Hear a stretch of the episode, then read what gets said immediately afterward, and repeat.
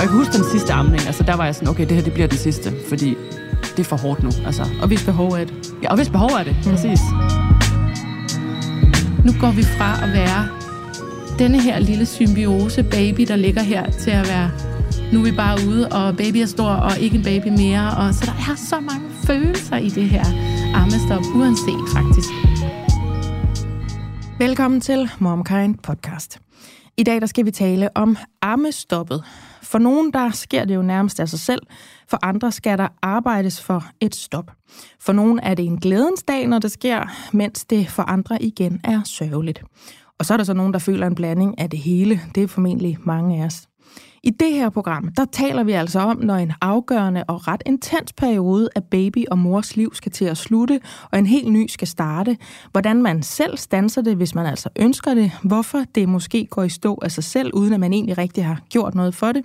Og alt det, der ligger imellem de to punkter. Og så taler vi selvfølgelig om følelserne. Det er jo MomKind podcast.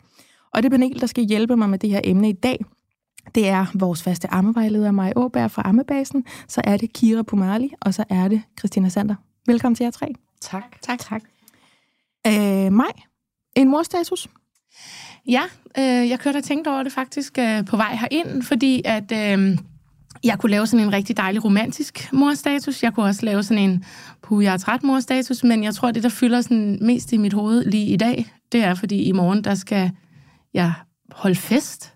Ja. Og børnene skal passes, og vi skal bare holde to gange 40 års fødselsdag, og alle vores venner kommer, og det bliver for vildt. Wow. Og det er bare det, der fylder. Og tænk, at det her kunne lade sig gøre. Ja. Og invitere 50 venner. Altså hjem, uden børn, hjem til jer? Hjem til os. Wow. Uden nogen børn. Uden nogen, der ammer. Uden noget. Det er for for vildt. imponeret over, at I har 50 venner. Wow. Sagde du ikke, I havde børn? Hvordan kan I stadigvæk have 50 ja. Jeg kan ikke kende nogen. De har også børn. Vi Ja, har tilgivet ja. hinanden mange gange. Ja. Nej, men det er, det er for sindssygt at tænke på, at man kan det Ja. igen. Altså på en eller anden måde. Både i forhold til corona, men også bare i forhold til børnene, og hvad der har fyldt i mange år, ikke? Ja. I forhold til det. Jamen, jeg kan mærke den helt herover, at jeg har, det havde jeg måske faktisk brug for også kvæg min morstatus, ja. som vi får lidt senere. Lige at få sådan et postkort for fremtiden, sådan Ja. det, der noget andet vil ske på et tidspunkt. Det sker simpelthen. Ja. Det er for vildt. Ja. Fedt. Så jeg tror, det bliver nødt til at være min morstatus i dag, fordi jeg er så meget i, wow, det bliver fedt i Ja, morgen. ja, i Ikke? festen. Altså, ja, Hvor gamle er det, dine børn er nu? Hvornår kan man det der? de er øh, 12, ja, hun bliver 13 lige om lidt, og så 11 og 5. Okay, så fem er den Så de skal alle sammen ned til farmor og farfar, og så... Og de skal bare se noget. Jeg vil lige ved at sige, nej, Disney Show, det er for det første om fredagen, og så hedder det ikke Disney Show længere. Det hedder Tam Tam nu, og det er lørdag i morgen. Ja, Ja. jamen det skrav. De Jeg bare have sammen det til den morstatus. De skal hyggeligt. De skal nemlig hygge sig rigtig meget, ja. Det skal de. Indtil eftermiddagen om søndagen. Jeg skulle til at spørge, hvornår Ja. ja. de kom hjem. De kommer ikke tidligt hjem, for det har vi aftalt. Der skal I jo have bøger. Ja, Ja, lige præcis. Så og ned. håndboldfinale. Ja. Ja. Kira, du er postadoptionskoordinator. Det vil sige, at du hjælper voksne adopterede med at finde deres øh, rødder med mere. Øh, helt vild øh, stilling. Og hvad er øh, morstatus? Jamen, jeg har øh, Rose på tre og et par måneder, og så har jeg Falke på otte måneder. Øh, og min morstatus, det, der, der er lige en sidste weekend, der stadigvæk øh, haunter mig helt vildt, fordi det var første gang, jeg var alene med begge børn en hel weekend. Mm. Og det var helvede. Var det det? Øh, Martin, han øh, var på øh, øh, sådan noget ølfestival øh, på Fanø. Der var jeg, for det første havde jeg FOMO, og det var meningen, jeg skulle have været med med Falke og pasning. Og, og så øh, havde øh, Rose skoldkopper en hel uge inden, Nå. og ville ikke passes. Nej. Og øh, Falke var bare pylder. Så jeg havde det sådan, kan man, kan man sige til sit skoldkoppebarn, du skal bare passes, for mor skal på ølfestival. øh, Det kan man godt. det kan man godt, ja. men jeg kunne ikke lide der. Nej. Så, øh, så, så altså, ja, Martin han skrev til mig på et tidspunkt, Nå, det er mandag på en lørdag, og der blev jeg så provokeret, så jeg mm. næsten kastede telefonen. Fordi det var, det var ikke mandag, det var helvede. Ja. Øh, må og jeg være. råbte, og jeg troede med øh, pasning. Og, Det er helt på en gang. ja, jeg gjorde alt det, jeg har sagt, jeg ikke ville gøre. Ja. Så, så jeg har brugt hele ugen på at finde tid til mig selv og, og sige, jeg skal have et kvarter nu, du skylder, Ja. og sådan noget. Øh, og i dag har jeg så, øh, er Falke blevet hentet tidligt om morgenen. Så jeg, jeg har spist morgenmad alene, jeg har været i bad alene, jeg har føntøjet mit hår. En kigerdag? Uh, ja. ja. Jeg har så- også bedt om to timer efter det her. Nej, det skal Ja. du have. Det Du skal jeg. sidde det der sted i en solstråle og bare inhalere en faste lavnsbolle, Ja. og måske høre en Ja. podcast, eller bare en fugl, eller sådan. Og jeg har hørt, at man kan få det dyre podcast her på Bryggen. Ja, du mener faste lavnsboller. Eller fast lavnsboller, Og de er lige hernede. Ja. Men det er også her, de laver de dyre podcasts. Alright. Jamen, øh, Christina Sander, Ja. en morstatus. Jamen, øh, jeg er mor til Marlon på fire år, og øh, tvillingerne Uma og Calvin, som er et år. Ja. Og hvis vi bare lige skal blive i sådan det lidt festlige hjørne, fordi den kan jeg faktisk godt øh, lægge noget i forlængelse af. Vi skal nemlig også holde fest i morgen. Whoop. Ja, men det er en lidt anden fest. Vi holder Marlons øh, fire års fødselsdag. Men det er et stykke tid for sent, fordi at øh, han har fødselsdag for en måned siden. Øhm, og den fødselsdag ligger 25. december. Så den holder vi aldrig på dagen, men jeg prøver altid at skyde den i forhold til hans sådan, og bliver overstimuleret og helt gakkelak, og han vil jo i virkeligheden bare gerne have én ting at lege med, ikke? og folk de kommer med 7.000 gaver. Ja. Så jeg skubber den altid et stykke ind i det nye år, for ligesom at sige, okay, du har julen, og så holder vi din fødselsdag øh, for hele familien på et andet tidspunkt. Og den fest, den er så i morgen. Marlon tror så, at han har fødselsdag igen. Så nu tror han, han bliver fem år i morgen. uh, han, bliver, han er stadig kun fire år. Det har Kæft, haft det så også. mange nedsmeltninger over, at han ikke bliver fem år Øh. i morgen. Kan, vi, kan vi sige til ham, at han bliver fem? Altså, jeg har jo været der, hvor jeg bare lidt er gået med på den. Det er især lige lidt op til puttetid om aftenen. Så ja, ja, ja, ja, ja, ja, du Ja. er fem år. Ja, du Ja, er, du er så. 35, er ja, du, du er. det går så hurtigt. øhm, ja, så det er, jeg, jeg, jeg synes, det er meget svært at have født et barn. Altså, det er måske en lille gruppe, jeg taler til nu. Men ja, det er meget svært at have født et barn 25. december. Det kan også være 24. december, eller 31. eller 1. januar. Ja. De der dage, hvor man sådan, der er ingen, der kan den dag. Så vi skal holde det på et andet tidspunkt. Og jeg har svært ved lige at finde ud af, hvordan vi lige grejer den. Så det, jeg prøver mig frem stadigvæk. Ja. Må jeg sige noget? Ja, Jeg har gerne. jo fødselsdag den 25. december. Ej, det er løgn. Ja. Simpelthen. Nej. Og det er jo erfaringsmæssigt, så har vi altså altid holdt fødselsdag der. Og Okay. familien har bare været der. Det har været fødselsdag. Okay. Og så har vi holdt julefrokost, eller vi har bare holdt rigtig fødselsdag. Så har julepapiret været væk. Flagene frem, så er der fødselsdag. Så det gælder i virkeligheden bare om at få sig en familie, som uh, gider komme, Christina? Men ved du hvad, det er faktisk ikke familiens problem, det er mit problem. Jeg gider ikke. Nej. Jeg er så overstimuleret efter Ja. juleaften, at jeg er sådan, vi lukker ned den 25. Der holder vi intet. Jeg gider ikke engang se nogen. Jeg gider knap nok se dem, jeg er i familie med. Øhm, så der gider jeg bare ikke holde det. Og det er jo så nok noget, som jeg bliver klandret for senere i hans liv. Jeg jeg- føler bare, at Marlon han kommer Nej, til at tilgive mig rigtig meget. Jeg sidder altså nu og i hu kommer historien, og jeg tror faktisk, jeg har hørt det et par gange nu, netop om forældre, der bare har taget den beslutning. Vi knaldede på et tidspunkt, der gjorde, at vores barn fik fødselsdag i en periode, der er ret socialt intens for de fleste festgæster. Mm. Derfor vedtager vi nu, dette barn har fødselsdag 15. januar. Ja. Bum, bum. Ja. Eller måske endda sådan om sommeren. Altså selvfølgelig Ja. skal man ikke fuck alderen helt op. Jamen, Man skal jo vide nogenlunde, hvad det er, hans halvårs fødselsdag i stedet Ja. for. Men lige præcis det der med at skubbe det, eller lege mm. det en anden dag, og sådan noget, det var jeg også ude i på et tidspunkt. Men Ja. det accepterer familiemedlemmer ikke. Nej. Nej, de er sådan, nej, nej, han har fødselsdag den 25. Så vi kommer den 25. Så kommer ja. vi op til kaffe. Og så er sådan, mm. det skal I ikke. Jeg låser Men- ikke op. Nej. Så jeg sørger altså for, inden han har fødselsdag, så inviterer jeg til fødselsdag i januar. Mm. Øhm, og Ja, prøver at tvinge det frem. Ja, ja. Ja. Ja. Så det er, øh, det er det, vi skal i morgen. Der skal vi så åbenbart holde fem års fødselsdag. ja. Bare ikke ved, hvor gammel han er. Altså sådan cirka. Det er det lav jo. Ja, det er det lav. Du går i børnehave. Præcis, du er stadig et barn. Uh, ja, jamen altså... min mors status, det, det er sgu hip som hap. Altså, det, hun skriger jo, det barn. Ja. Øh, og jeg har jo også lige siddet og underholdt jer med det, fordi det er bare det, jeg er så fyldt af, at det er det, jeg siger, når folk kigger på mig og spørger, hvordan går det? Og det bliver man spurgt meget om, når man lige har fået en baby. Øh, og hun har jo, altså, kulik, det bedte barn. Måske er det gået lidt over, når det her bliver sendt. Men de fleste kan nok alligevel relatere til, at ens baby bare nedsmelter, uanset om det er blevet kaldt noget af en fagperson. Og det gjorde hun i går i IKEA, øh, på den der måde, hvor jeg ender med sådan voldsom hjertebanken i en af de der armerum. Øhm, øh, bare, bare overkrop, fordi jeg kan ikke lige... Jeg har fået taget en hættetrøje på, fordi jeg tænker, at du har lige fået så meget mad, at du sover dig igennem det her. Så jeg havde bildt mig ind at tage en hættetrøje på og en, og en sports-BH. Det kan jeg ikke sidde med. Så min løsning er bare at flå det sådan op over mit hoved, og sådan flå næsen op i panden på mig selv, og bare sidde og svede og have hjertebanken, og prøve at presse den her brystvort, jeg godt kan mærke, der kommer jo ikke noget nedløb, fordi jeg er jo så stresset. Det kan jo ikke... Mm. Også apropos det, vi skal tale om i dag. Mm. Og hun skriger, og hun skriger, og hun er sådan helt rød og svedig til sidst, og hun, og hun vil bare ikke stoppe. Og det var egentlig lidt hele vores dag i går, fordi det gled jo så over i den periode, hvor hun normalt bare har den almindelige kolik.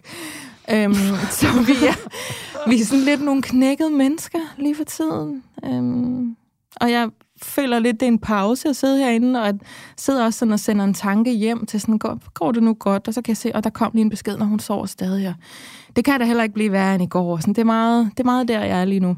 Mm. Øh, jeg, jeg er sgu træt af, af ja, pis, for at sige det rent ud. Gråd.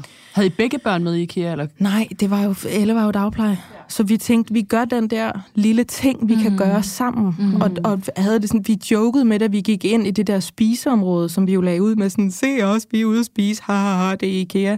Men det føltes alligevel som noget, vi sådan mm. har savnet, ikke? Øh, noget at lægge det i en story på Instagram, at Michael sidder og har det for fedt i en lædersofa med de der kunstige planter omkring sig i et hjørne af den der restaurant i IKEA. Klip til helvede bare bryder løs. Øh, og jeg sidder og hygler hele vejen hjem i bilen, fordi vi kan fandme heller ikke tage nogen steder med vores babyer. Sådan er det jo mm. bare. Andre mennesker kan bare trage tværs over indlandsisen med deres børn, og vi kan bare ikke noget. Altså, den der følelse havde jeg i min mm. krop, ikke? Og jeg kan også mærke, at jeg er mentalt øh, træt, fysisk træt i dag. Det var en virkelig hård dag i går. Øh, så hvis du sidder og lytter til det her, og sådan helt øm i stativet af bare at håndtere den her baby-opløsning, så I get you. Mm. Ja. Mm. Men nu er det armestoppet, det gælder. Både det frivillige, kan man sige, det ufrivillige, når det er nemt, når det er svært, og alle følelserne. Så det runder vi nu. Tak fordi I er her. Det her, det er MomKind Podcast. Jeg hedder Majbrit Maria Lundgaard.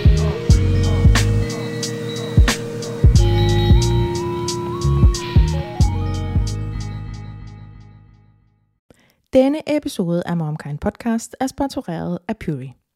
Og jeg har jo tidligere fortalt om, hvordan jeg er blevet glad for deres vitaminer. Men nu har jeg lyst til at dele, at jeg også er blevet glad for deres kollagen. Jeg blander faktisk deres CP1, som er testet ren kollagen, og CP3 Beauty. CP3 indeholder nemlig zink og biotin, der blandt andet bidrager til at vedligeholde normal hud, og jeg oplever faktisk, at jeg både får mindre tør hud og færre revnede fingerspidser, når jeg tager det her. Udover zink og biotin, så indeholder CP3 Beauty også C-vitamin, B6-vitamin og hyaluronsyre. Puris produkter er testet for renhed og kvalitet, herunder uønskede stoffer som tungmetaller, pesticider og lignende, og du kan selv se testresultaterne, hvis du scanner QR-koden på bagsiden af deres produkter. Har du lyst til at prøve deres kollagen eller nogle af deres andre produkter, så kan du bruge koden MOMKIND30, når du tegner abonnement. Så får du 30% rabat på de første tre leveringer, og altså på produkter til 3 måneder. Jeg synes, vi lægger ud med at tage simpelthen bare ammestoppet, altså den personlige erfaring fra henholdsvis dig, Christina, og dig, Kira. Så kommer vi over til mig øh, bagefter for at høre øh, nogle fagtermer på det, jeg har oplevet. Men jeg kunne godt tænke mig simpelthen bare at få, øh, hvordan gik det med at stoppe med at amme? Hvad var bevæggrundene? Øh, hvad var følelserne? Og jeg synes bare, du starter, Christina. Ja, jamen øh, første gang var øh, med Marlon jo, som jeg ammede til han var 10 måneder cirka. Ja. Og der stoppede han selv. Han gad ikke øh, det pis mere. Og, og han havde aldrig sådan et normalt, eller jo, vi havde et forholdsvis normalt ammeforløb, men han var aldrig sådan rigtig ammeglad. Mm. Øh, slet ikke en, en ammebaby, og han, han nægtede jo højre bryst fra, han var fire måneder eller sådan noget, og så ville han kun have venstre. Øh, og så var han på venstre i et stykke tid, og så begyndte han jo at få fast føde, og det var han bare meget hurtigt meget glad for. Ja. Så den sidste måned, synes jeg faktisk, der skulle jeg sådan lidt tvinge det igennem, øh, indtil jeg til sidst var sådan, nu, nu, nu ligger jeg i nogle forgakkede stillinger, for at prøve at snige brystvorten ind i munden på dig, ja. mens du halsover. For det var det eneste, jeg kunne til sidst. Ja. Og så var jeg sådan, hvorfor gør jeg det her? Altså, jeg kan godt svare, grunden til, at jeg gjorde det, det var, fordi jeg synes, det var lidt besværligt at skulle skifte over til sutteflaske, som mm. vi jo faktisk skulle på det tidspunkt. Ja. Fordi det var så tidligt. Men, øhm, og så synes jeg også bare, det var lidt mærkeligt og lidt tidligt, og jeg havde kun hørt historier om, om mødre, som sådan aktivt skulle stoppe selv. Altså, jeg troede, babyer altid gerne ville amme rigtig meget, rigtig længe. Mm. Så jeg var sådan lidt, what the hell? Ja, bliv dog øhm, ved. Ja, hvorfor vil du ikke have min mælk? ja. Men det gad han bare ikke, og øh, så stoppede jeg, og det var meget øh, problemfrit, da jeg endelig øh, kapituleret, fordi der var næsten ikke noget mælk, for han havde jo ikke taget noget mælk i rigtig lang tid. Så du havde ikke den der øh, det overspændte babs, hvor man sådan lige skal den var helt hånd ud med alkelet? Altså jeg ved med, at han nærmest ikke havde fået noget ud af brystet i flere uger på det tidspunkt. Altså Nej. der var slet ikke noget. Nej. Ikke noget hårdt bryst overhovedet. Nej. Øhm, og jeg kan huske den sidste amning, altså der var jeg sådan, okay, det her det bliver den sidste, fordi det, det, er, for, det er for hårdt nu. Altså, det er for mm. svært at komme derhen til, hvor han ligger og sutter. Ja. Og hvis behov er det. Ja, og hvis behov er det, præcis. ja. Altså, så øh, det var lidt vemodigt, men så heller ikke mere end det. Og så havde jeg jo tvillingerne, øh, som, jeg, som jeg ammede rigtig dejligt øh, længe, også til de var 13 måneder. Og det var rigtig vidunderligt. Ja. Det var et bedre ammeforløb på alle mulige måder. Altså nu ved jeg godt, det er tvillinger, så man tænker måske sådan, det må have været vildere eller sådan. Men de var bare nemmere at amme. De var glade for det, og sådan lidt ensartet i deres behov, så vi kunne finde en rytme i det, og det, jeg hvilede rigtig godt i det ammeforløb. Det var rigtig dejligt. Mm. Øhm, og da de så blev 13 måneder, så kunne jeg godt mærke på dem, at nu var det nok ikke rigtig længere deres behov. Altså jeg ammede dem til putning om aftenen, men en gang imellem, hvis jeg lige stod og havde lige lagt den ene under dynen, og lige skulle gøre et eller andet med den anden, eller pakke den ene i en sovepose og gøre et eller andet med den anden, så nåede den første sådan lidt at falde i søvn, inden jeg lige fik ammet. Og så var jeg sådan, okay, så hvorfor vækker jeg den her lille baby for? Ja. Du skal lige have noget Nej, her. jeg skal lige amme dig i søvn, Ja, så du har lige op. misforstået, hvad der foregår her. Nu skal du ammes, dit lille barn. Så det var ikke sådan... De havde ikke rigtig det der behov. Øh, men, men den gang, det er jo så nogle måneder siden nu, men det havde jeg rigtig, rigtig svært ved. Meget, meget, meget sværere end første gang. Fordi med tvillingerne har der sådan hele, hele vejen igennem bare sådan været den her sådan glare af, at det har været sidste, det sidste gang, det sidste barn, mm. børn. Alt er sidste gang Ja. øh, sidste graviditet, sidste fødsel og sidste amning. Så jeg vidste godt, at når vi stopper det her ammeforløb, så kommer det aldrig tilbage. Så skal jeg aldrig nogensinde i mit liv amme igen. Og det var, sådan, det var sværere for mig at acceptere. Øhm, fordi jeg vidste godt med Marlon, vi får nok en tor. Så der var ikke noget mm. rigtig svært. Mm. Øhm, men kæft, jeg var lang tid om at tage beslutningen med, med tvillingerne. Det var jeg godt nok. Jeg bliver sådan helt rørt, når jeg selv om det, fordi Ja. Altså, det er jo bare så definitivt på en eller anden måde, at man stopper det. Det er også sådan the end of the baby. Ja. Og så kommer det lille barn, ikke? Jo. Jeg er helt med på den følelse. Ja. der, at det er, det er så, øhm, hvad skal man kalde det, et meget, meget definitivt, konkret, af alle kendt øhm, billede, det her af et ammende barn. Det er et lille barn. Ja. Der er noget der mellem mor og barn. Øh, når man er i amme øh, flaskeperioden, så er man et lille barn. Og vi ved jo notorisk, at forældre kan blive melankolske, når deres børn bliver store. Mm. Så jeg kan sagtens forstå, hvorfor det der, det lige præcis er sådan Ja. en sylespids ind i den følelse. I get it. Ja. ja. altså, det var en, øh, en søndag, hvor vi ligesom havde besluttet os for, at nu, øh, nu stopper jeg, fordi i, i nogle uger op til, vil jeg sige, der havde det været mit behov, og så, men det var også mit behov at stoppe. Altså, det var sådan lidt egoistisk. Jeg føler, at det, de der tvillinger, de var sådan, we can do it, or we cannot. Altså, de, mm. de var sådan, det, det er fint. Ja. Men jeg var også ambivalent omkring det, fordi jeg trængte også til på det tidspunkt at være lidt fri og prøve at kunne være undværlig i mange flere situationer og kunne være væk i længere tid og mm. havde begyndt at få den der sådan lidt elastik, der trækker et andet sted også. Så vi besluttede os først, okay, fint nok, det bliver den her søndag, og når jeg putter dem i aften, så ammer jeg den ene, og så ammer jeg den anden, og det er sidste amning, slutbrudt finale, og så stopper vi. og jeg hulkede mig igennem de der amninger, og så sad jeg bare og skræd salte tårer ned i den der lille baby. Ja. Ja. Overvejede du sådan, ej, vi tager den lige i morgen også. Nej, Det var slut. Ja, det var nødt til at være slut der, fordi nu havde jeg gået, altså danset om den varme grød så lang tid, at det, det, det skulle være slut. Øhm, Men det er jo så modsætningsfyldt, Ja, netop det. det. det der. Jeg sidder og græd ned i ansigtet, fordi det er sidste gang, Ja. jeg ammer dig, at Ja. jeg ammer nogen af mine børn. Men jeg er afhængig af den frihed, det løsner. Ja. Altså det, de to følelser kan godt sammen eksistere. ja, virkelig. Og, og, der, og jeg, skal, jeg vil så sige, at da jeg, så, jeg havde så ammet Calvin først, og jeg har både filmet det og tog billeder, og jeg, så, jeg skal virkelig bare huske det.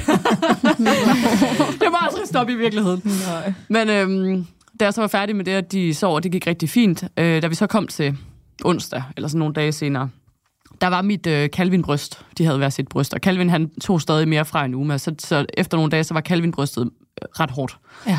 Og jeg kunne simpelthen ikke pumpe det ud. Så der valgte jeg lige at amme ham en sidste gang. Og det var faktisk sådan lidt modsat. Det var sådan, åh, hvor irriterende, nu skal, nu skal jeg til amme igen. Men det var måske Men, øh, meget rart Ja, det var fint. mærke, altså, jeg var sådan, jeg er nødt til at komme af med det her. Ja. Og lad os lige prøve at se, om han stadig øh, Ja. vil. fordi det er jo nemlig også noget, som når vi bliver faglige lige om lidt, og det bliver majs tur, at jeg vil vide det der med, hvordan stopper man det? Ja. Mm. Fordi hvis jeg skulle stoppe lige nu, så vil det blive noget, noget Rirod. rigtig, noget rigtig baks for alle. Altså, så, så, det, jamen det, det, og Ja. det ved jeg jo, det kan jo lade sig gøre. Så, mm. så det der med, sådan, det kan kroppen bare lige stoppe med, eller den kan Ja. ja. lade være. Jamen, altså, jeg var meget overrasket over det der med, at, at øh, mit bryst alligevel havde produceret så meget mælk, at der i hvert fald var, altså det blev sådan helt kanonkugle Ja. efter nogle dage. Ja, der hvor man sådan kan mærke, det føles som om, der ligger små sten derinde, fordi Ja. de der kirtler, de, de rejser sig sådan helt. Man kan næsten se, at, at huden bliver helt nubret. Ja, ja, præcis. Ja. ja. Ja, så der fik han en lille, lille tår. Og det, det var var, bonus. så en lille, han fik bonus. Kommer I ikke forbi til rester? Mor, så det også bare det, der har ligget i min krop siden i søndags. Det er sådan lidt klamt. Men, Så må øh, du altså huske at stille de babser i køleskabet. ja. Nå, Kira, Ja, armestop. Du har jo to, og du er lidt i gang med et lige nu. altså jeg, det troede jeg Ja. lidt. altså det, er det er fordi med, øh, med min første, hun er præmatur, så mit ammestart og mit ammeforløb var sådan ret crazy med sådan noget med ammevejleder, der sidder hen over en, og så skal man skrive alting ned og veje før efter og sådan noget. Mm. I rigtig lang tid. Meget monitoreret. Virkelig. Altså, jeg kunne slet ikke finde ud af at være mor, uden at jeg skrev alting ned, og at hun blev vejet. Hver uge ville jeg gerne have, at hun skulle vejes, ikke? Ja. Og, og så fik jeg en efterfødselsreaktion med hende, da hun var 6 måneder. Ja. Øh, eller hun har været ja, omkring 8 måneder, og det er 6 måneder sådan udviklingsmæssigt. Øh, og så det stoppede bare. Det var bare sådan... Hun, jeg havde brug for frihed, vi gav lidt flaske, så kunne Martin være med. Og så langsomt, så, så var der bare ikke mere mælk. Altså sådan... altså Det, jeg, husk, jeg kan ikke engang huske, sådan, hvor, at jeg tænkte, når nu stopper vi altså. Mm. Jeg kan bare huske, at jeg tænkte, der er ikke nogen mennesker, der skal sidde fast på min krop mere. Nej. Mm. Jeg vil ud og gå en tur, og jeg vil mm. ikke stresse på turen over, om jeg når hjem. Altså, eller og sådan, mine veninder, der sad der med telefonen klar, fordi der var en, der skrev, nu, det er mad nu, og så løber de midt i en samtale hjem, ikke? Altså sådan, mm. det gad jeg bare ikke mere. Nej. Så, så, Så det Så var, det var egentlig så ret befriende. Sådan, ja, det skete ja. nærmest af sig selv, faktisk. ja, jeg kan slet ikke huske, mm. hvad min krop gjorde, eller at det gjorde ondt, eller... Altså, ja, det var bare dejligt. Mm. Sådan, nå, okay. Og, og det var også fordi, sådan, så med efterfødselsreaktionen, så var det en masse mig-tid og en psykolog, der sagde, du skal tage på hotel i 24 timer. Ej, hun lyder god. ja, det var en fantastisk... øh, det var Gaia-instituttet, virkelig dejlige efterfødselsreaktionsspecialister, ikke? Nå, hvor godt. Og- Godt, du gjorde det. Ja, virkelig. Og, og, og jeg tog på Vejle Fjord og gik i spag. Gud, hvor lækkert. Ja, ja, ja. Skønt. Jeg, jeg gør kun ting, hvor jeg går all in. Ja. åbenbart.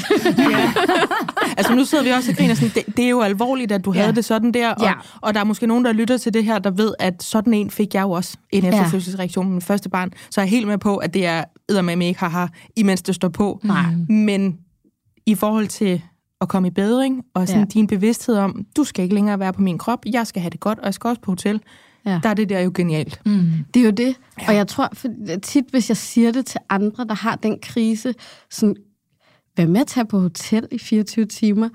Sådan, nu er I begyndt på lidt flaske, måske går det. Så det bare sådan, ej, det kan man da ikke. Mm. Tænk nu med det. Tænk, hvis jeg ikke kan komme tilbage og amme. Og jeg forstår det fuldstændig nu. Ja. Mm. Jeg forstod det overhovedet ikke dengang. Mm.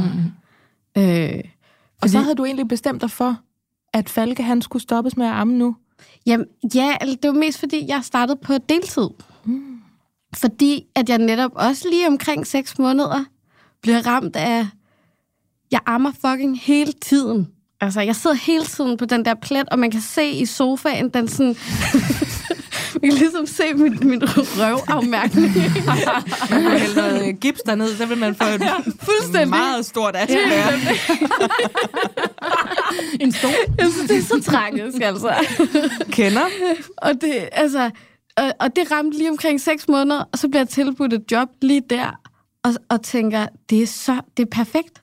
Så, fordi det er jo lige her, jeg har risikoen for at gå ned med en efterfødselsdepression, fordi at jeg er så frustreret over at sidde fast med den der baby på babsen. Mm. Øh, så nu arbejder jeg hver anden dag i fem timer.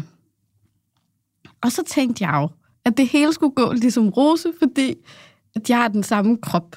Øh, men, øh, men det skulle stoppe af sig Ja, det vil bare, jeg Ja. ved, så vil jeg den første dag på arbejdet måske have rigtig hårde babser, og så ugen efter om mandagen, så vil det være lidt mindre, og når jeg så havde, nu har jeg arbejdet i to måneder, så vil det bare være færdigt, og, og jeg vil ikke tænke over det.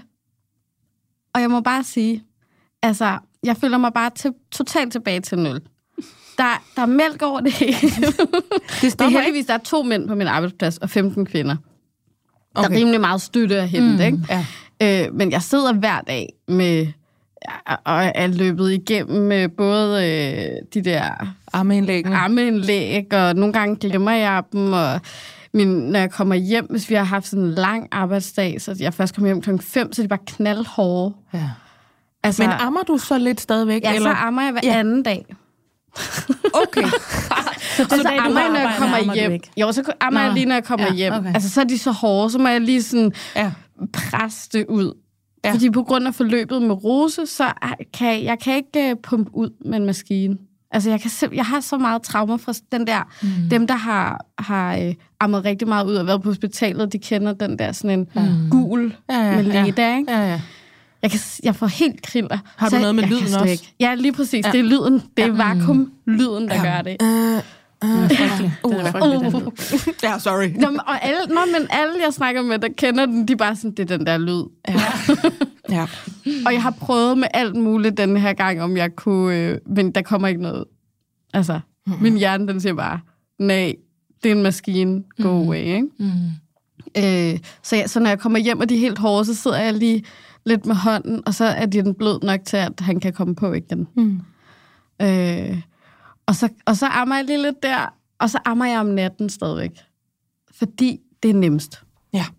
Vi har prøvet sådan noget, Falke sov ikke så godt, vi har prøvet sådan noget, så kunne, så kunne Martin ligge i flasker, og vi kunne bytte plads, og så lugter der ikke af mælk. Måske er det derfor, han sover mm. så dårligt. Men jeg synes bare, det er så besværligt. Altså, fordi så vågner han, og så bliver han sur over, at det er en flaske, og det ikke er et babs. Ja. Og så skriger han jo, og så er jeg jo alligevel vågen. Ja, og når Altså- man har babyer, så er man jo bare altså, ret meget tilbøjelig til at gøre, hvad der virker. Mm, hvad præcis. det er.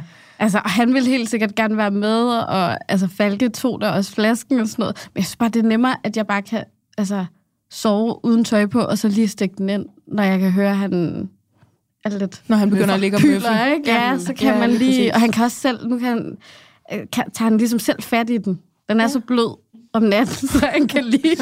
han kan lige sådan, til lytteren, så holder jeg Og fast i kaster bare. du lige en babs over til mig? Lige det tror jeg, det, i. det kan jeg. Altså, jeg kan fint stå og pille med noget op i køkkenet og armen nogen nede i stuen. Ja. To børn. Jamen, Så, men, men ja, altså jeg vil bare, jeg vil faktisk, jeg havde jo forberedt mig selv psykisk på, at jeg skulle stoppe nu. ja. Men nu kan jeg godt høre, nu, fordi jeg blev rigtig rørt lige, da Christina blev rørt over, mm. at det var sidste gang. Og hvis det står til min partner Martin, så er det jo sidste gang med Falke. Så har jeg ikke helt lyst til at Så slutte måske alligevel. ikke helt færdig. Nej. Nej, jeg er overhovedet ikke færdig, men det skal vi ikke sige til ham. Så skal han bare lade være at høre den her podcast. Ja, lige præcis. Du skal have flere børn en... Men jeg kan godt se, hvis det er slut nu, så skal jeg jo strække det lidt længere. Ja. Skal jeg ikke stoppe det? Ah, Ej, jeg, jeg kan faktisk ikke anbefale at, at, at øse så mange følelser ned i det, som jeg gjorde. Altså, Nej. det var en, en overtænkningssituation. Jeg, jeg vil hellere gøre det som dig. Det er bare at stoppe fra den ene dag til den Men anden. det tænker jeg over det igen. bare, Ja. der er rigtig mange, der kan relatere til. Fordi Ja. der er noget kropsligt i det der. Altså, så du endegyldigt, forstår mig ri- rigtigt, væk fra min krop. Fordi først ja. bar jeg dig, så fødte jeg dig, så levede du på min krop. Altså, jeg kan, jeg kan til enhver tid mærke det der med, sådan, hvor, hvor meget fylder hun, hvor meget vejer hun, fordi når jeg er i mit hjem, så ligger hun primært oven på mig. Mm. Og en gang imellem har hun en babs i munden, og en gang imellem har hun ikke. Men det der med, du lever på min krop, du er mere i min favn og på min krop, end du er selv et eller andet sted. Mm. Sådan er der også mm. nogle babyer, der er. Sådan er vores børn bare notorisk. De vil ikke finde sig i, de, vi ikke bærer dem. Øh, så, så jeg er helt med på det der med, at, at det kan blive ekstremt følsomt at vide, nu var det sidste gang, også selvom det er en selv, der gerne mm. vil det. Jeg føler også bare det der med, at sådan, sidste gang, og derefter er min krop bare sådan gold. ja, ja. Så, så, så, Altså flad. så bliver den flad og rynket. Og... Ja, sultet og sådan... Ej, men du bliver jo ikke til en stige af ikke at skulle amme. Jo, det, vil...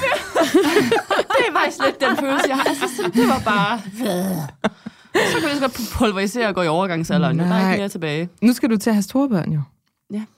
Og holde kæmpe fest, Christina. Ja, det er det. Jeg også begyndt at klæde mig nu som en teenager, så nu kan jeg drikke mig rigtig fuld og sådan noget, fordi nu er jeg bare sådan, Nu starter jeg det jo igen. på den. Ja, ja. Ikke? Ja, præcis. Fejre det, med, der fejres kan. Ja.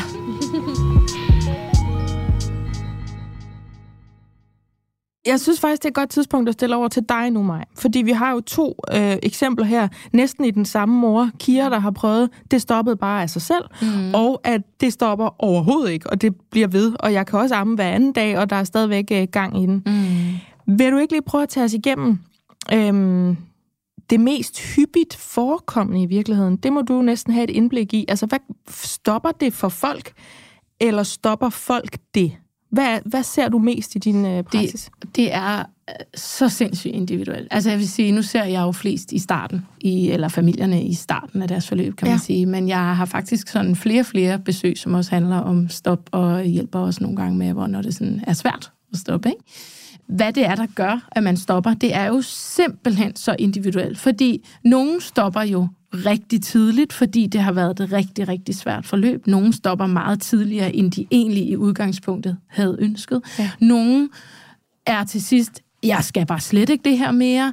Øh, nogen er der, okay, nu er vi nået 13 måneder, nu skal der snart ske noget andet, nu må vi hellere. Nogen, hvor det er baby, der siger, færdig arbejde, skal ikke mere. Det er så individuelt, de her situationer. Men, men det, der jo næsten altid ligger i det, det er, at det netop altid bliver følsomt. Ja. Fordi mm. at uanset hvad, om det har været et rigtig svært forløb, og man stopper på grund af det, så er det følsomt. Så, så selvom at det, er en, at det er den rigtige beslutning, og det føles rigtigt, så ligger der jo tit en sorg i det. Og det kan også være, at man stopper, når barnet er 13 måneder, men starten måske har været helt vildt svært, og det har været svært at arbejde amningen op. Og så er det også helt vildt svært at give slip. Og igen den der tanke, som Christina også sagde, det her med, at nu, har vi, nu går vi fra at være denne her lille symbiose baby, der ligger her, til at være, nu er vi bare ude, og baby er stor, og ikke en baby mere. Og, så der er så mange følelser i det her armestop, uanset faktisk, hvornår og hvordan og hvorledes det sker.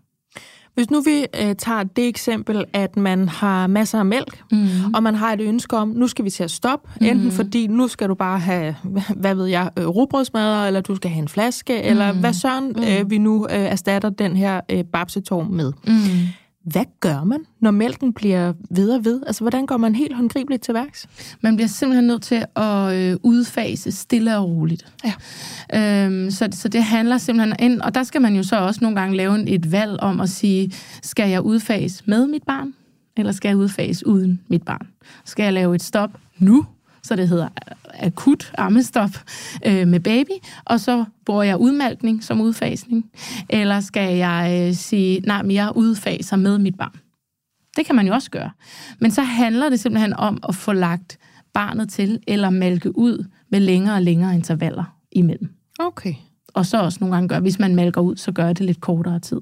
Så produktionen falder med efterspørgselen? Ja, fordi det er jo der, den er. Produktionen er jo simpelthen så smart, at den jo hele tiden står og regulerer sig efter barnets efterspørgsel. Og det er jo også derfor, man sagtens kan amme en gang i døgnet når barnet er mm. måske et år, for eksempelvis, ikke? når man kommer hjem fra vuggestue, og så øh, bliver man lige øh, ammet en enkelt gang. Og det kan den godt finde ud af, den her produktion. Så derfor kan den også godt finde ud af at regulere sig sådan helt stille og roligt. Og oftest går det faktisk meget hurtigere, end møderne tror. Hvor, øh, hvor hurtigt går det, sådan, for man siger, nu, nu udfaser vi øh, med eller uden øh, baby, mm. til man siger, nu kan jeg igen have en øh, florlet skjorte på, ja. uden at skulle kigge ned af mig selv. øh, jamen, det er jo afhængigt af, hvor man er i sit armforløb. Det vil jo være afhængigt af, der vil jo være anderledes for dig. Ja som har en baby nu, og jeg, som fuldammer, eller, eller være anderledes for Christina, som hvor det er 13 måneder, og være anderledes for dig med en 8 måneder. Altså, det er, jo, det er jo helt vildt forskelligt, fordi hvor er du i din mælkeproduktion? Mm. Så hvis det er en fuldammende, der skal stoppe, så tager det lidt længere tid. Men hvad er det? Er det tre uger, eller tre måneder, eller hvor nej, er vi Nej, henne? slet, slet ikke. Altså sådan en uges tid, vil du godt kunne gøre Rigtig? det på. Ja, ja. Gud, jeg og, og sådan i Christinas tilfælde tænker jeg et par dage, måske et, et par dage. Okay. Så hvis man er ret langt nede i sin produktion, og igen, vi skal lige huske, det er jo altid individuelt, fordi nogen har jo en kæmpe produktion, nogen har, altså, så der er jo selvfølgelig altid forskel. Det er jo alt fra nogen, der kørt ud på Herlev en gang hver anden uge med en, jeg vil sige, en IKEA-pose med de der små mælkeposer i, ja. fordi de er engle, der har mælk til alle os, der ikke har en eller anden grund, og så dem, der skal kæmpe om hver, hver dråbe. Ja, det er det. Og ja. der er jo kæmpe stor forskel, og det vil der jo også være her. Ja. Så der vil jo forskellen jo også vise sig. Men det er klart, hvis man fullammer, så er din produktion jo helt oppe. Så er det klart, det tager lidt længere tid, men det er relativt hurtigt, man kan gøre det ved at udfase det sådan helt stille og roligt. Og det er helt klart den mildeste måde at gøre det på. Bare lige for at nørde den der babs lidt. Mm. Hvis nu man siger, øh, jeg har taget en beslutning, jeg har brug for noget andet, eller jeg er blevet tilbudt et job, eller vi har fundet ud af, at det her fungerer bedre, eller hvad søren ved jeg. Øh, vi prøver at udfase, øh, vi er nede på halv kraft nu, og så ombestemmer jeg mig. Mm. Kan man så fase ind igen, eller hvad ja, man skal sige? så øger man bare igen. så lægger man bare mere til. Ja, og du kan reelt også, selvom du er stoppet, få den op igen. Altså, jeg har været med til at hjælpe kvinder, som reelt har taget øh, mælkestop, ammestop, piller til at komme op igen. Så man kan reelt godt, det kræver arbejde, men, Ja. ja. men du kan rent faktisk banke din produktion op igen, og det kan du ret nemt, hvis du er udfaset til halv, halv procent, kan man sige, Ja, ja. 50 procent, mm. så kan du lynhurtigt få den op igen. Okay. Det er ret imponerende. Det er så vildt, den der mælkeproduktion, Ja. ja. hvor, øh, hvor vildt regulerbar den er. Den står hele tiden og regulerer, regulerer, regulerer, regulerer, ud fra, hvor meget øh, der bliver taget ud, og ud fra, hvor meget der bliver stimuleret.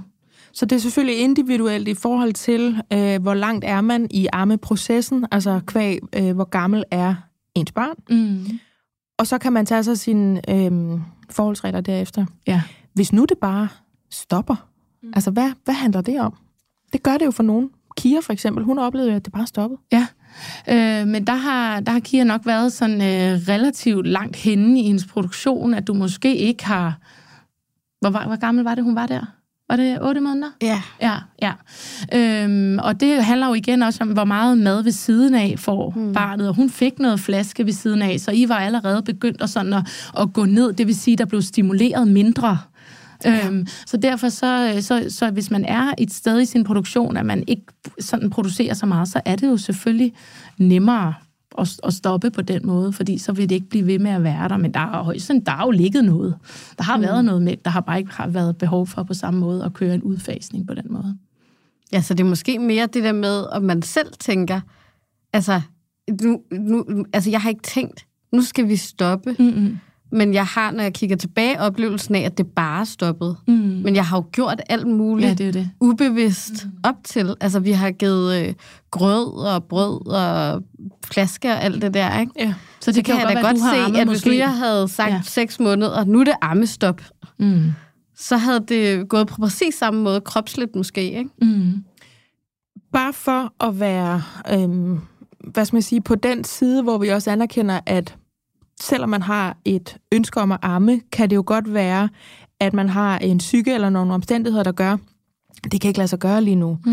Øh, jeg tror, det var det, jeg oplevede, fordi ligesom Kira, så fik jeg jo en efterfølgelsesreaktion med mit første barn, Mm. og jeg fuldarmede hende mere eller mindre til hun var fire måneder.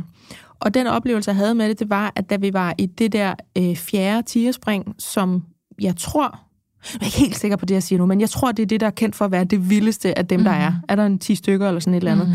Og det var, øh, det var der, hvor vi endte på pilatesbolden om natten under bruseren, nøgne, hoppende, ammende, syngende, fordi vi var så langt ude at skide til sidst. At vi, altså vi, jeg var så presset, at jeg havde selv en oplevelse af, at den energi, jeg havde, altså sådan helt vidderligt, kropsligt, den vendte jeg ind af til mig selv, mm. og at der blev mindre og mindre mælk, så blev min datter ligesom mere sur, blev dårligere til at ligge ved brystet, så blev der endnu mindre mælk, så blev hun endnu mere sur. Jeg har sådan nogle billeder i hovedet af, at jeg ligger med et barn, der sådan vrider sig nærmest så, altså hun kunne have nået sin hæle med, med fingerspidserne, mm. fordi hun, hun vil bare ikke ligge ved det der bryst, mm. og sådan prøve at tvinge babsen ind i munden på hende, fordi jeg havde faktisk et ønske om, at vi skulle blive ved med at amme. Mm. Øhm, men det stoppede bare, og ikke én gang efter det oplevede jeg, det er en hård babs, eller der lige pludselig var mælk nogle steder. Mm. Det var ligesom om, altså jeg fik nemlig tanken, ligesom det du sagde, Kira, sådan, eller nej, det var dig, Sander, har der overhovedet været noget?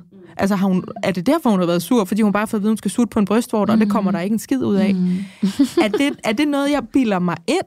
Altså, at det har været stanset? Kan, man, kan psyken styre så meget? Kan ens omstændigheder, mors indre liv, styrer det så meget i forhold til et ammestop? Fuldstændig. Altså, det, som der påvirker et, en mælkeproduktion, det er stimulation. Det vil sige, hvordan sutter barnet på brystet, hvor effektivt sutter barnet på brystet.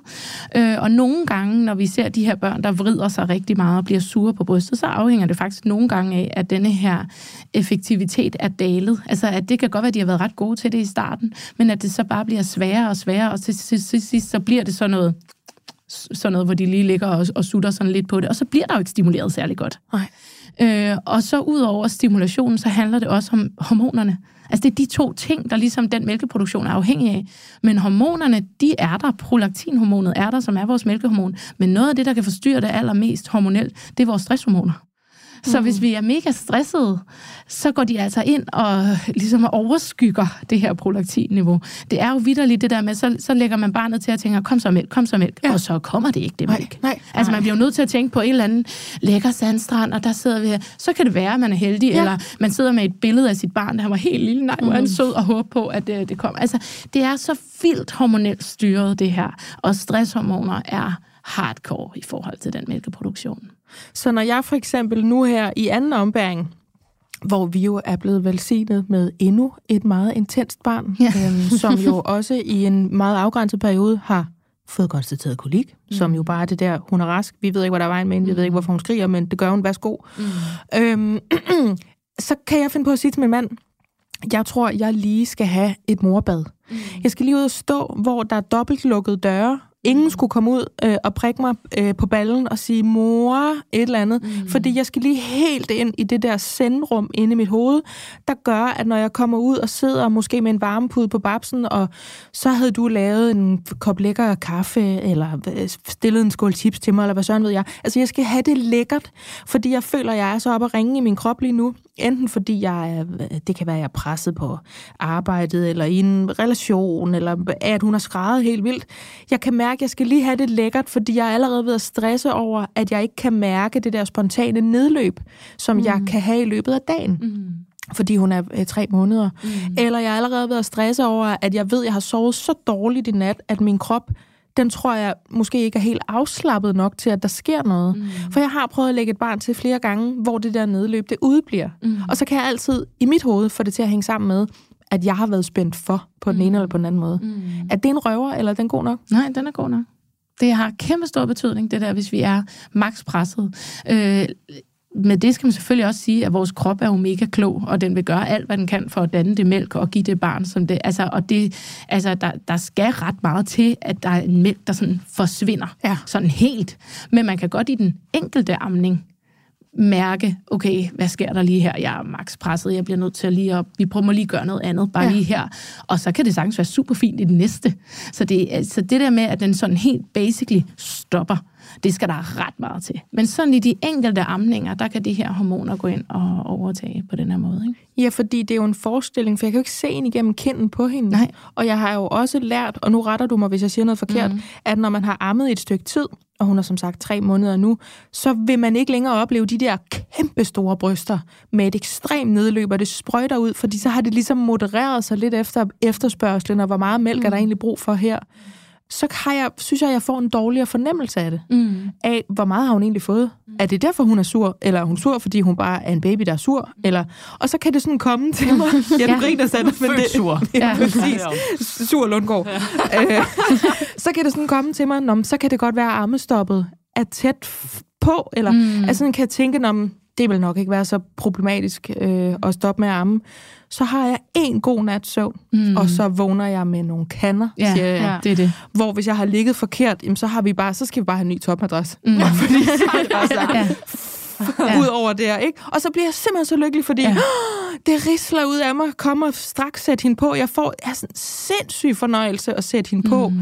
efter en periode, hvor jeg har været rigtig bange for, at det er stoppet. Fordi det er ikke mit ønske at stoppe det endnu. Mm. Men mine omgivelser kan gøre mig nervøs for, om jeg er rolig nok til selv at kunne bestemme den her gang, mm. at nu skal vi stoppe. Ja. Fordi det tror du også, det er første gang. ammeforløb, der gør dig nervøs? Altså, jo. tror du også, du er farvet af det der fjerde tierspring, og I nærmer jer den alder, hvor Elle, mm. hun begyndte at være sådan, nej ja. tak. Ja. Mm. Øhm, fordi det, det vil jeg have. Altså, ja. jeg var rigtig farvet af mit første ammeforløb mm. anden gang. Ja, fordi jeg husker jo på mælken og på, på alt det der, når jeg så har kigget ned på min barm, som noget, der bare lige, puff, Mm. Så kunne det, mm. hvis ikke du passer på, hvis du bliver for stresset, så holder det jo op. Det ved du godt, ikke? Altså, det er, sådan, det er den, tror jeg, jeg siger til mig selv. Men i virkeligheden skulle jeg måske hellere sige, som du siger nu, mig, der skal virkelig meget til, fordi kroppen vil gøre alt, hvad den kan, mm. for at lave den mælk. Mm. Og ja. det, det skal du, fordi så kan man også tro på sin egen krop, og det giver også nogle gange en positiv følelse. Og netop den der prioritering, at du siger, jeg skal ud og have det morbad. Ja. Mm. Og så skal jeg også have den kop kaffe bagefter. Og hvis vi er helt vilde, så skal jeg også lige gå en tur ned øh, til blandt selvslikken alene. Ja. Ikke? Mm. Altså, den kender vi godt, ikke? Ja, eller du skal så, køre mig, og så skal du vente ud i bilen.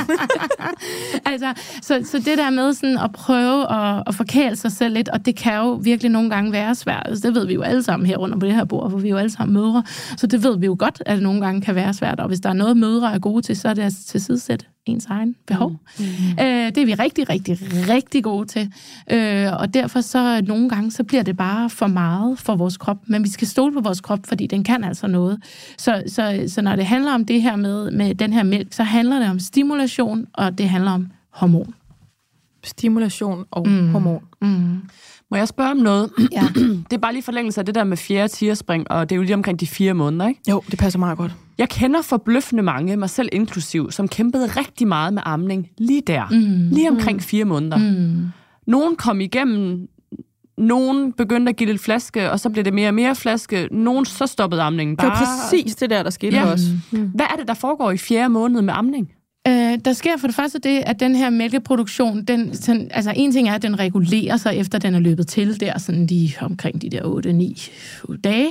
Øhm, og, men så sker der også det, når man når de der tre måneder, så regulerer den sig sådan rigtig ægte-agtig. Øh, og det er jo netop det der, som du siger, så, så får man ikke så meget de der helt spændte bryster mere. Jo, jo, fordi når familierne spørger mig, jamen jeg får ikke de der mere. Nej, men hvad hvis du venter i fire timer? Jamen så kommer de. Ja. Okay, mm. jamen, så kommer de. Og det er jo fordi, der er mælk. Men det er jo også fordi, så har den bare virkelig reguleret sig efter det her barn, og den står og regulerer sig hele tiden. Ja. Øhm, men den bliver også samtidig meget mere sådan følsom over for det her stimulation. Og hvis den ikke helt er god, så kan det nogle gange have betydning. Øh, men samtidig så har vi jo også bare nogle børn, som udvikler sig sådan mentalt. Det ved I selv. Lige pludselig, så nogle gange, så, får de, så hører de en lyd, og så vender de sig væk fra brystet. Så den der sådan helt umiddelbare, de ligger der og sutter i helt lang tid, som de gør i starten, det gør de jo ikke på samme måde, når de bliver så store. Og de bliver meget nemmere øh, sådan opmærksom på alle mulige andre ting. Og også opmærksom på, hvis nu for eksempel det er lidt svært at sutte, eller hvis mælken ikke lige kommer så hurtigt, som de lige synes, den skal, så kan de også ligesom sige, øh, så gider jeg sgu da ikke nu det gider jeg ikke, den skulle bare komme med det samme, så er jeg færdig. Ikke? Så der er mange ting, altså det, det handler rigtig meget om det her barn, at barnet bliver større og meget mere opmærksom. Hvis nu man så er i den periode, som Sander hun beskriver så fint her, og som mm. jeg jo, det, det sidder sådan, jeg sidder måske i virkeligheden og sådan indser, jamen måske er det det, jeg begynder at problematisere. Jeg, også, jamen, jeg har googlet mm. så meget i fire måneder. Altså jeg er virkelig sådan, er det, der er der et appetitspring, er der sådan noget, der er sådan noget four month uh, sleep regression, og alle mulige forskellige ting. Ja, og jeg skrev apps så der. meget med min mødergruppe om natten, da vores baby var fire måneder, for vi var alle sammen bare sådan, what the hell ja. is this? Ja. Øh, og, så, og jeg, min allerbedste veninde har oplevet præcis det samme som dig, Maja Britt. Mm. De var også bare sådan, fra den ene dag til den anden, nærmest i fire måneder, ja. så stoppede det bare. Ja. Ja. Ja. Hvis man så oplever det, mm. og det, det være sig øh, anden måned, fjerde måned, ottende måned, uanset hvad man ønsker at fortsætte med armen, mm. er det lige så stimulerende eller lige så godt, kan det lade sig gøre, hvis man så finder den der, øh, Ja. Fordi jeg synes, jeg oplever, at mit nedløb kan være meget forskelligt, om jeg sidder med en, en pumpe, jeg bruger sådan en mm. elektrisk en, mm. eller mit barn. Mm. Er det lige så godt så at holde det ved lige med bedst? Barn. Ja. Jeg skulle lige tænke ja. mig om, fordi jeg, jeg tror, var det lige i går, så var det sgu nok pumpen. Der, ja. havde jeg lige, altså, der havde vi lige to minutter derhjemme, hvor Michael han sagde til mig, jeg kunne lige mærke, at jeg bedre kunne lide vores nye pizzaspade, end jeg kunne lige trille. Ja. Men hun havde også, igen kvæg min mors tato, hun havde en sindssyg dag i går. I, øh, i dag er hun øh, skøn igen. Så, så ja, det er ved hende, mm, at det er stærkest. Mm. Ikke? Og det er jo fordi, at når hun går ind og tager fat på brystet, så stimulerer hun oxytocin, som sætter gang i nedløbet. Ja. Det er hormonerne, der sætter ind der. Og det er, som Kira også siger selv før, at sætte den der pumpe på. Der er så mange kvinder, jeg møder, som bare sådan, det sidste, du skal komme og sige, det er, at du skal komme og du skal, at vi skal pumpe. Ja. Det skal jeg bare slet ikke. Og det er der bare så mange, der har, hvis de har haft den der pumpe rigtig meget ind over, specielt sådan en hård start for eksempel. Ikke? Men kan den redde et ufrivilligt armestop, hvis man det kan, kan den godt. Ja. Det kan den godt, hvis man nu ikke overhovedet kan få baby på. Ikke? Fordi ja. det kan være, at baby lige har behov for en pause. Der er jo, der er jo det her term ammestrække, altså, hvor de lige nogle gange siger, det er ikke det, jeg gider lige nu. Jeg vil meget hellere ned og undersøge mit legetæppe. Øhm, så derfor så, så, så kan den godt det, fordi så kan man jo opretholde sin produktion. Ja. Øhm, men der gælder det jo også om at, at prøve sådan at virkelig at rumme barnets frustration der, selvom det kan være sindssygt svært. Øh, og så faktisk acceptere det, fordi jo mere man prøver at presse barnet på, jo mere siger barnet, ellers tak. Det Ja, det reagerede hun rigtig dårligt på. Ja, ja. Så det der med at prøve at presse babsen ind i munden, hvilket vi jo alle sammen kommer til, den kender vi jo alle sammen, fordi Ja. ja. at det handler jo så biologisk i os, det her med, at vi skal give vores børn mad. Tag nu det bryst Ja, tag det nu bare. fanden. Ja, Ja, også fordi man har sådan en, altså når de er så sure, så er man sådan, du er sulten. Altså Ja. sådan, Ja. hvis du ikke var sulten, så ville du ikke være så sur. Nej, altså man nej. har nogle gange sådan, der, Ja, ja. du ved ikke, hvad der er bedst for dig. Jeg Ja. ved, hvad der er bedst for dig. Ja. Spis! Ja, Ja, spis Jamen, jeg, jeg sad sådan næsten messende i går inde i det der fucking jeg vil lige vil sige prøverum, det var det jo ikke. Det der ammerum i IKEA, mm. og sådan, er det en mulighed, at du overreagerer? Ja. Altså, ah, du er far, hvor er du dramatisk. Altså, det, ja, og det hele det kører. Og så er det der, hvor man netop sidder og tænker, kom så med mælk, kom så, lad, lad livet strømme, nu skal du bare få mælk, du skal bare tige stille, jeg, jeg hjælper dig nu, jeg hjælper dig nu. Og så kommer der ikke noget. Mm. Og så bliver man endnu mere, altså det bliver sådan Ja. selvforstærkende. Ikke? Fuldstændig. Men jeg tror faktisk, jeg sidder og opdager, altså on air, som vi siger, at det er jo det der fjerde tierspring. Måske mm. har jeg godt lidt vidst det underbevidst. Vi vidste det med kroppen, men jeg har ikke helt vidst det med hjernen, at det faktisk er det, jeg går sådan og, og gnider mig lidt i hænderne over, at nu, nu er vi på vej, for hun er midt i det tredje lige nu. Mm. Så det er det, Altså, næste, det er lige om lidt. det er det næste, vi venter på. Ikke? Ja. Er der nogen her rundt om dette bord, der brænder ind med noget ammestopsmæssigt, inden vi øh, siger tak, fordi vi kom? Som bare skal med. Noget, som en mor, der måske står for et ammestop, eller lige har oplevet det, og er meget emotionelt, skal have med på vejen? Eller har vi, øh, har vi gjort det så godt, som vi kunne? Er der noget, du som Jeg vil gerne fagperson, sige Maja, vil sige noget? lidt, Ja. ja. Jeg Skal vi tage. Christina først? Mm. Så slutter vi på, på fagpersonen. Er det sådan? Det er fint. Ja. Bedst. Er det bedst? Ja, det er bedst. Enig. Jeg vil bare sige, øh, jeg kender faktisk øh, overraskende mange, som har oplevet øh, et enkelt bryst stoppe, eller barnet ikke vil tage det ene bryst, og så mm. vil de kun amme fra det andet. For eksempel, min første søn ville ligesom kun amme fra højre i lang, rigtig, rigtig lang tid, fra fjerde måned. Ja. Sjovt nok. Ja. og resten af ammeforløbet, yes, the joy, og der begyndte han også at skide om natten igen og sådan noget. Det var en fantastisk tid. Og det vil jeg bare sige, jeg var rigtig stresset over det. Jeg var sådan, nej, nej, nej, så spiser han kun fra det ene, og det andet er dødt, og hvad, hvad sker der med det, og sådan noget. Jeg bare ja. sige, intet problem overhovedet. Mm. Intet problem overhovedet. De var helt ens bagefter, da det hele stoppede. det? Og jeg er fuldstændig fuldammet fra det ene bryst. Og det er jo samme med tvillinger. Der fuldammede jeg jo også den ene baby fra det ene bryst, og den anden baby fra det andet bryst, og det kan sagtens lade sig gøre. Så det vil jeg bare sige, hvis man kun har en at gøre godt med, det er fint. Det var faktisk lidt mig, du sagde det til, fordi ja. jeg skal godt nok kæmpe for, at Venstre bare skider at være med til det her. Ja. Mm. Jeg, var, jeg undersøgte alt muligt med sådan noget. Hvad, hvad er der galt med mit venstre bryst? Altså, fordi der ikke er nok mælkeudgange, fordi de føltes lige hårde. Ja. Men det er som om, der kommer 10 stråler ud af højre, og Ja. måske tre stråler ud af venstre. Is this? Vi har de samme babser. Har vi samme anatomi? Ja, Ej, spændende! Girls! Okay, det, var også, det var også lidt meget. Men fuldstændig, fuldstændig lavet den samme Google-søgning som Ja. dig, og kunne se, det er ikke den første, der har lavet. Og det er næsten altid af højre, der er en kæmpe teamplayer, og venstre, mm. der bare er sådan, jeg gider ikke at hjælpe. Mm. Mm. Ja. Mm. Men, men intet problem for mig, så det vil jeg bare lige Det var faktisk have god at få med. Ja, Ja. ja. godt. Kira, er du bare glad og tilfreds, eller har du lige noget, vi skal have med? Nej, det ved jeg. Jeg tænkte bare lidt på det der med det nedløb. Ja. Fordi før så sagde du, når lige omkring tre måneder, så kan man jo ikke mærke det. Og det kan jeg egentlig også godt huske. Det kunne jeg heller ikke med Falke eller Rose lige der omkring. Men det kan jeg altså nu. Ja, men det altså, kan, da vi det kom ind nogen, nu kan. igen, så er det som om, det er startet forfra. Så, mm. det, så forstår jeg slet ikke, hvad der foregår inde i babserne. Nej. Jeg tror, du har en spædbarn. ja, lige præcis. Der er masser, der kan mærke nedløb hele vejen igennem deres samforløb. Så Nå, det er ikke okay. fordi, at man ikke kan mærke det. Der er bare nogen, hvor at nedløbet øh, sådan bliver lidt øh, stille og roligt lidt langsommere. Altså, at det okay. kommer lidt senere, at babysen skal arbejde så godt for, og nu kommer det. Og det er jo der, hvis, hvis vi så har en fire måneders baby, som ligger skide utålmodig i forvejen, og der går halvandet minut, før det kommer. Og de ved jo, Ja, hvad de venter på. Det er jo også der, den mm. ligger. For de nyfødte, de ligger jo bare bliver stimuleret af deres sutterefleks. Ej, lækkert. Ej, hvad dejligt. Mums, mums, mums, mums, mums. Og mælken kommer flydende med det samme. Ikke? Men når de bliver fire måneder, og de godt ved, når, mine, når jeg kommer op til den bab, så skal jeg have mad. Og hvis det så ikke kommer, og de bare ligger der og sutter og sutter og sutter, og der sker ikke og en skid, Så er der hell to pay. Ja. så bliver de bare skide sure, så er de bare Ja. sådan, øh, nej tak, ellers tak. ja.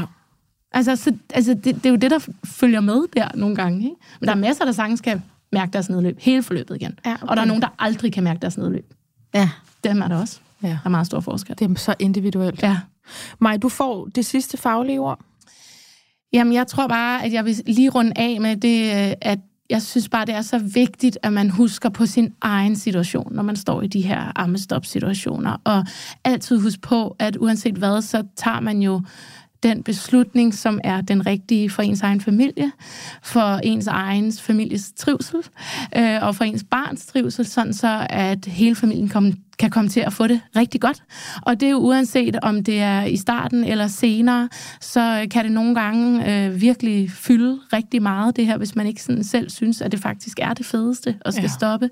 Øhm, men nogle gange kan det jo bare virkelig være den helt, helt, helt rigtige beslutning for de her familier. Og det skal de have så mange klap på skulderen for. Mm. At, ja. Øh, ja, de, at de har så. set mm. deres behov i familien er noget andet. Ja, det samlede ja. behov tæller ja. altså også. Ja. ja. Det synes jeg var dejligt, at det var den, vi kunne stoppe på. Jamen, så vil jeg sige uh, tak, fordi vi kom til uh, ammevejleder fra altså Ammebasen, Maj Åberg, Kira Pomali og Christina Sander. Tusind tak, fordi I var med her i dag. Selv tak. Det her, det var naturligvis MomKind Podcast.